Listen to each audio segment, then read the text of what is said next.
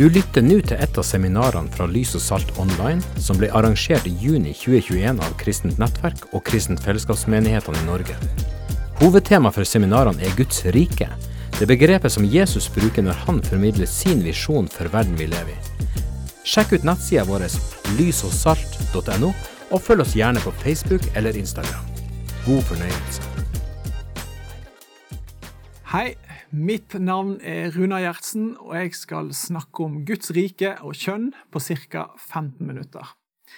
Det sier seg sjøl at jeg ikke kan gå grundig inn i alle aspekter av dette temaet, som fortjener både grundig gjennomgang og respekt, da det påvirker mange av oss i den tiden vi lever i nå. Ikke minst for de av oss som kjenner dette på kroppen daglig, og som på dette området må virkelig jobbe med både hva det vil si å være en disippel av Jesus, og ikke minst kjenne på spenningen en møter i hva mange i verden rundt oss sier opp imot hva Guds ord vektlegger. Jesus refererte til ekteskapet som noe som var ment for å vare livet ut, og som skulle vise noe mer enn bare to mennesker som valgte å leve livet sammen. Men det er en interessant situasjon som vi kan lese om i Matteus 19, og vers 3-12, der noen fariseere begynner å prøve å sette Jesus fast på spørsmålet knyttet til ekteskap og skilsmisse. Her benytter Jesus muligheten til å løfte spørsmålet om ekteskapet opp enda et nivå. Han tar, ektes, han tar, utgangspunkt i ekteskapet mellom Adam og Eva for å illustrere at Gud fra begynnelsen av ville at ekteskapet skulle være mellom en mann og en kvinne, og at det skulle vare livet ut. Jesus understreker òg at skilsmisse kun var en mulighet om hor, altså utenomekteskapelig seksuell omgang, var årsaken til skilsmissen.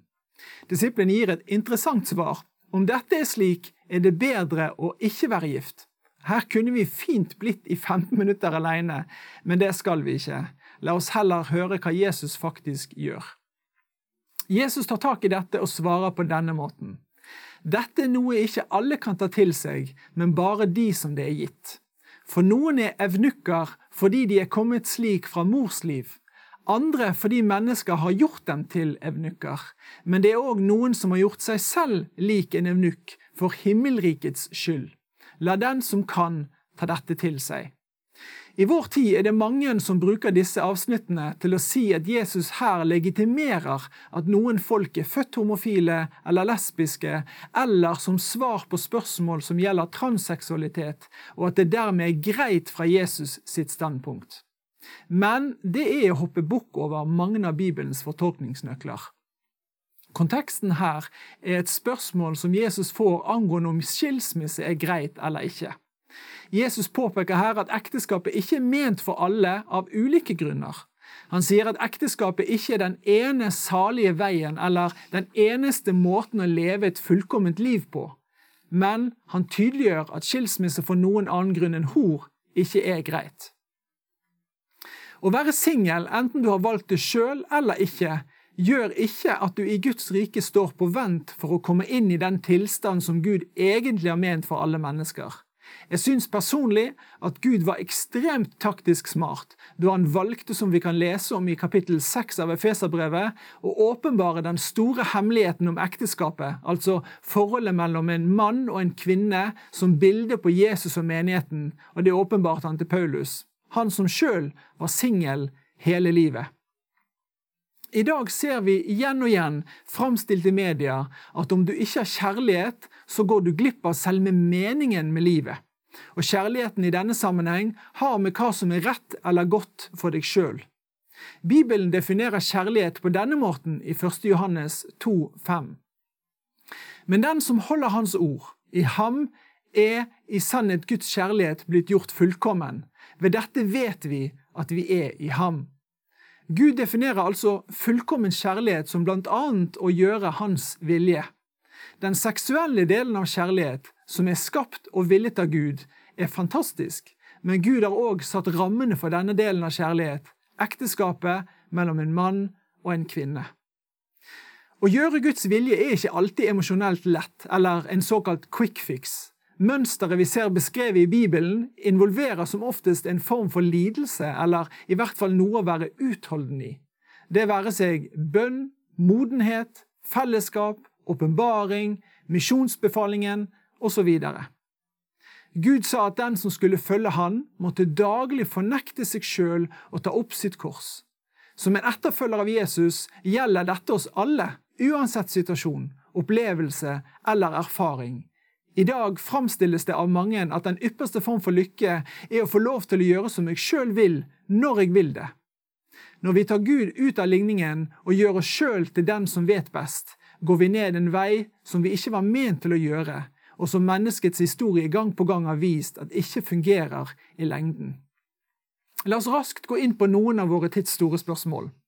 Hva sier Bibelen om viktigheten av kjønn og kropp?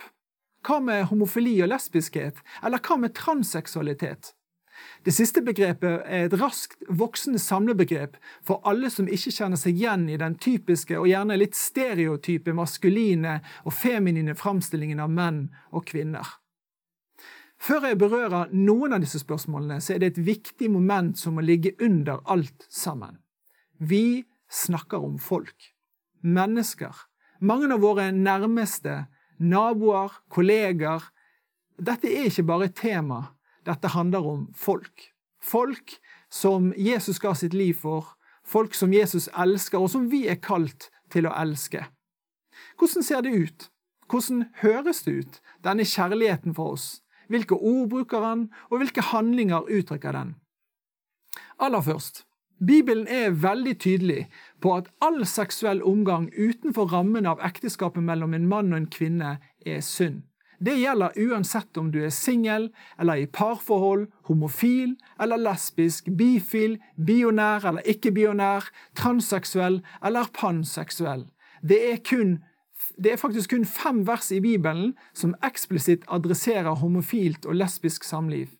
Det er tredje Mosebok 1822 og kapittel 20 og vers 13. Det er Romerbrevet kapittel 1 og vers 20-27. Det er første Korinterbrev kapittel 6 og vers 9. Og det er første Timotees brev kapittel 1 og vers 10. Alle disse versene er tydelige på at å leve et liv der man er seksuelt aktiv med det samme kjønn, ikke er etter Guds vilje. Hva da med de av oss som ønsker å leve for Jesus, men kjenner seg tiltrukket av det samme kjønn? I tiden vi lever i, er vi helt klart kontrakulturelle ved å stå for det som Bibelen sier på dette området. Jeg tror at vi kristne, spesielt i Vesten, har gjort disippellivet og etterfølgelsen av Jesus til noe annet enn det Jesus befalte oss om. Å legge ned mitt liv for Han i min generasjon innebærer å si nei til meg sjøl og ja til den Han er og det Han sier. For de av oss som kjenner at vår, ikke bare seksualitet, men, men selve identitet, ikke samsvarer med det å være tiltrukket til det motsatte kjønn, står man overfor ikke bare ett, men veldig mange valg. Hvordan ser det ut i mitt liv, det at Gud har sagt at noe er synd? Sannheten er at vi alle, uansett seksuell orientering, står overfor spørsmål om synd i alle områder i våre liv. Men, ikke, men det å ikke oppleve at sin seksualitet ikke samsvarer, kanskje til og med med det man sjøl skulle ønske, krever òg en radikal søskenkjærlighet for oss som står rundt våre åndelige brødre og søstre som står i en sånn situasjon. Hvordan være til stede? Hvordan være en bror og en søster, en medvandrer? Å kjenne på disse følelsene for samme kjønn er ikke synd, men å handle etter de, det er det. Men å ikke elske en bror eller en søster i gjerning og i sannhet viser 1. Johannesbrev, viser 1. Johannesbrev oss at òg er synd. Vi trenger å være nære hverandre nok til å gå sammen i spørsmål knyttet til seksualitet i alle former. Hva med spørsmålet om å være født i feil kropp, som stadig er oppe både i media og til og med i landets mange klasserom? Har Bibelen og Gud noen mening om kroppen vår og opplevelsen av oss sjøl?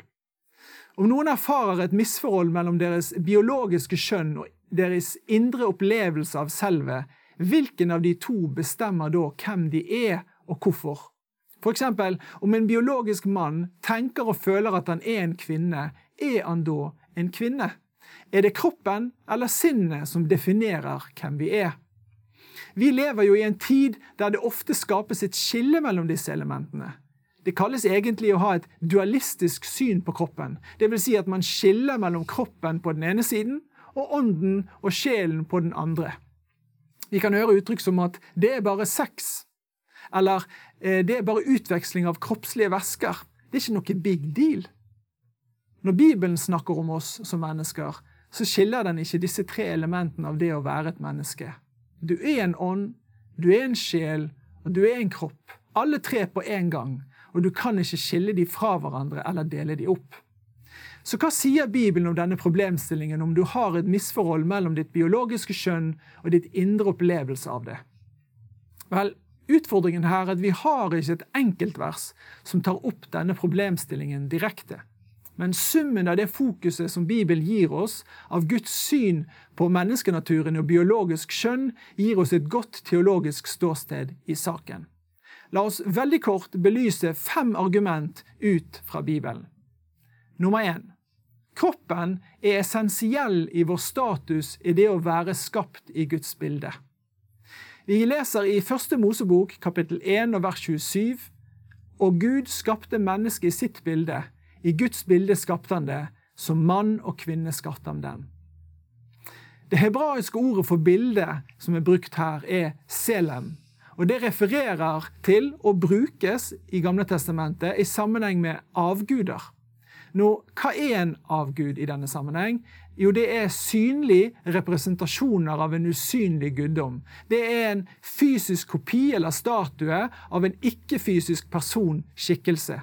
Og I første Mosebok så er dette Selem, bildeforholdet, menneske og Gud. Men vi som mennesker er mer enn bare et bilde av Gud. Vi leser videre i Første Mosebok kapittel 2 vers 7 at Gud pustet sin ånd inn i Adam, og han ble en levende skapning. Guds ånd i oss er en del av å være et helt menneske, men det å være en bærer av Guds bilde, selem, et fysisk bilde av Gud, løfter opp det fysiske som en essensiell del av det å være skapt i Guds bilde. Vi bærer Guds bilde som mann og som kvinne. Punkt to. Kategorien som Gud løfter opp i første Mosebok, er biologisk kjønn, på engelsk sex, og ikke sosialt kjønn, som på engelsk brukes som gender. Vi hører ofte bruk sex og gender om hverandre. Når de hebraiske ordene som her brukes, er zakar for mannlig og nekaiba, som er kvinnelighet. De er de samme ordene som i første Mosebok kapittel 6 og vers 19 og i kapittel 7 og vers 9 brukes som hannskjønn og hunnskjønn på dyrene som fyller opp arken for å befolke på nytt jorden etter floden. Begge kjønnene er unike og viktige bærere av bildet av Gud, og reproduktivitet er en essensiell egenskap som Gud gir til mannen og kvinnen fra begynnelsen av. Hva da med de av oss som ikke kan få barn, enten man er singel eller gift?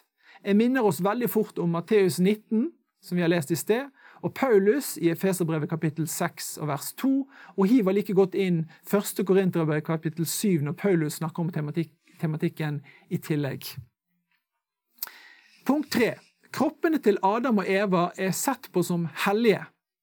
I første Mosebok kapittel 2 vers 21-22 så står det Da lot Herren Gud en dyp søvn komme over mannen. Mens han sov, tok han et ribbein på hebraisk tsela og fylte igjen med kjøtt. Av ribbeinet, tsela, Herren Gud hadde tatt fra mannen, bygde han en kvinne, og han førte henne til mannen. Når ordet tsela betyr ikke ribbein her. Det brukes mer enn 40 ganger i Gamle testamentet, og ingen av gangene så betyr det ribbein. Nesten alle andre ganger refererer altså ordet tsela til en del av en hellig bygning eller en del av en helligdom, sånn som tabernaklet eller tempelet. I første Mosebok kapittel 2 vers 21-22 så blir Adam og Eva sine kropper ved bruk av ordet sela løftet opp og snakket om som hellige templer og helligdommer. I første Mosebok kapittel 1 og kapittel 2 snakker om våre fysiske kropper som noe signifikant og viktig i det å være bærer av Guds bilde og vår identitet. Punkt 4. Jesus ser på første Mosebok kapittel 1 og kapittel 2 som normative. I Matteus 19, som jeg refererte til i starten av min undervisning, refererer og bekrefter Jesus Første Mosebok 1.27 og 2.24, når han løfter opp fokuset på biologisk kjønn som en viktig del av rammen for å svare på spørsmål om skilsmisse. Har dere ikke lest? sier han. Igjen så er det ikke spørsmål knyttet til kjønn eller transseksualitet Jesus adresserer her, men han bekrefter i sitt svar at ordningen som beskrives i skapelsen, fortsatt er gjeldende. Ekteskapet er mellom en biologisk mann og en biologisk kvinne. Punkt 5. Paulus ser på kroppen som signifikant for moralsk oppførsel og styrker kroppens viktige posisjon som en del av vår personlighet. 1. Korinterbrev kapittel 6 og vers 19-20 så står det Vet dere ikke at kroppen deres er et tempel for Den hellige ånd, som bor i dere, og som er fra Gud? Dere tilhører ikke lenger dere selv, dere er kjøpt og prisen er betalt. Bruk da kroppen til Guds ære. Her ser vi at Paulus bruker kroppen og dere om hverandre når han snakker om dette. I Romerbrevet kapittel 6 og vers 13 så står det og still ikke lemmene deres til tjeneste for synden som våpen for urett, men still dere selv og lemmene deres til tjeneste for Gud som våpen for det som er rett, for dere var døde, men er blitt levende. Og Romerbrevet kapittel 12 og vers 1, der kommer det veldig tydelig fram.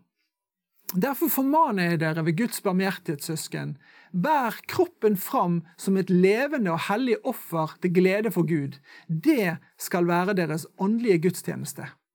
Paulus påpeker at vi ikke kan skille mellom hvem vi er og kroppen vår, og han tydeliggjør det òg ved å vise til at det å stille den fysiske kroppen fram er en del av vår åndelige gudstjeneste så har vi 1. Korinterbrev kapittel 6 og vers 18.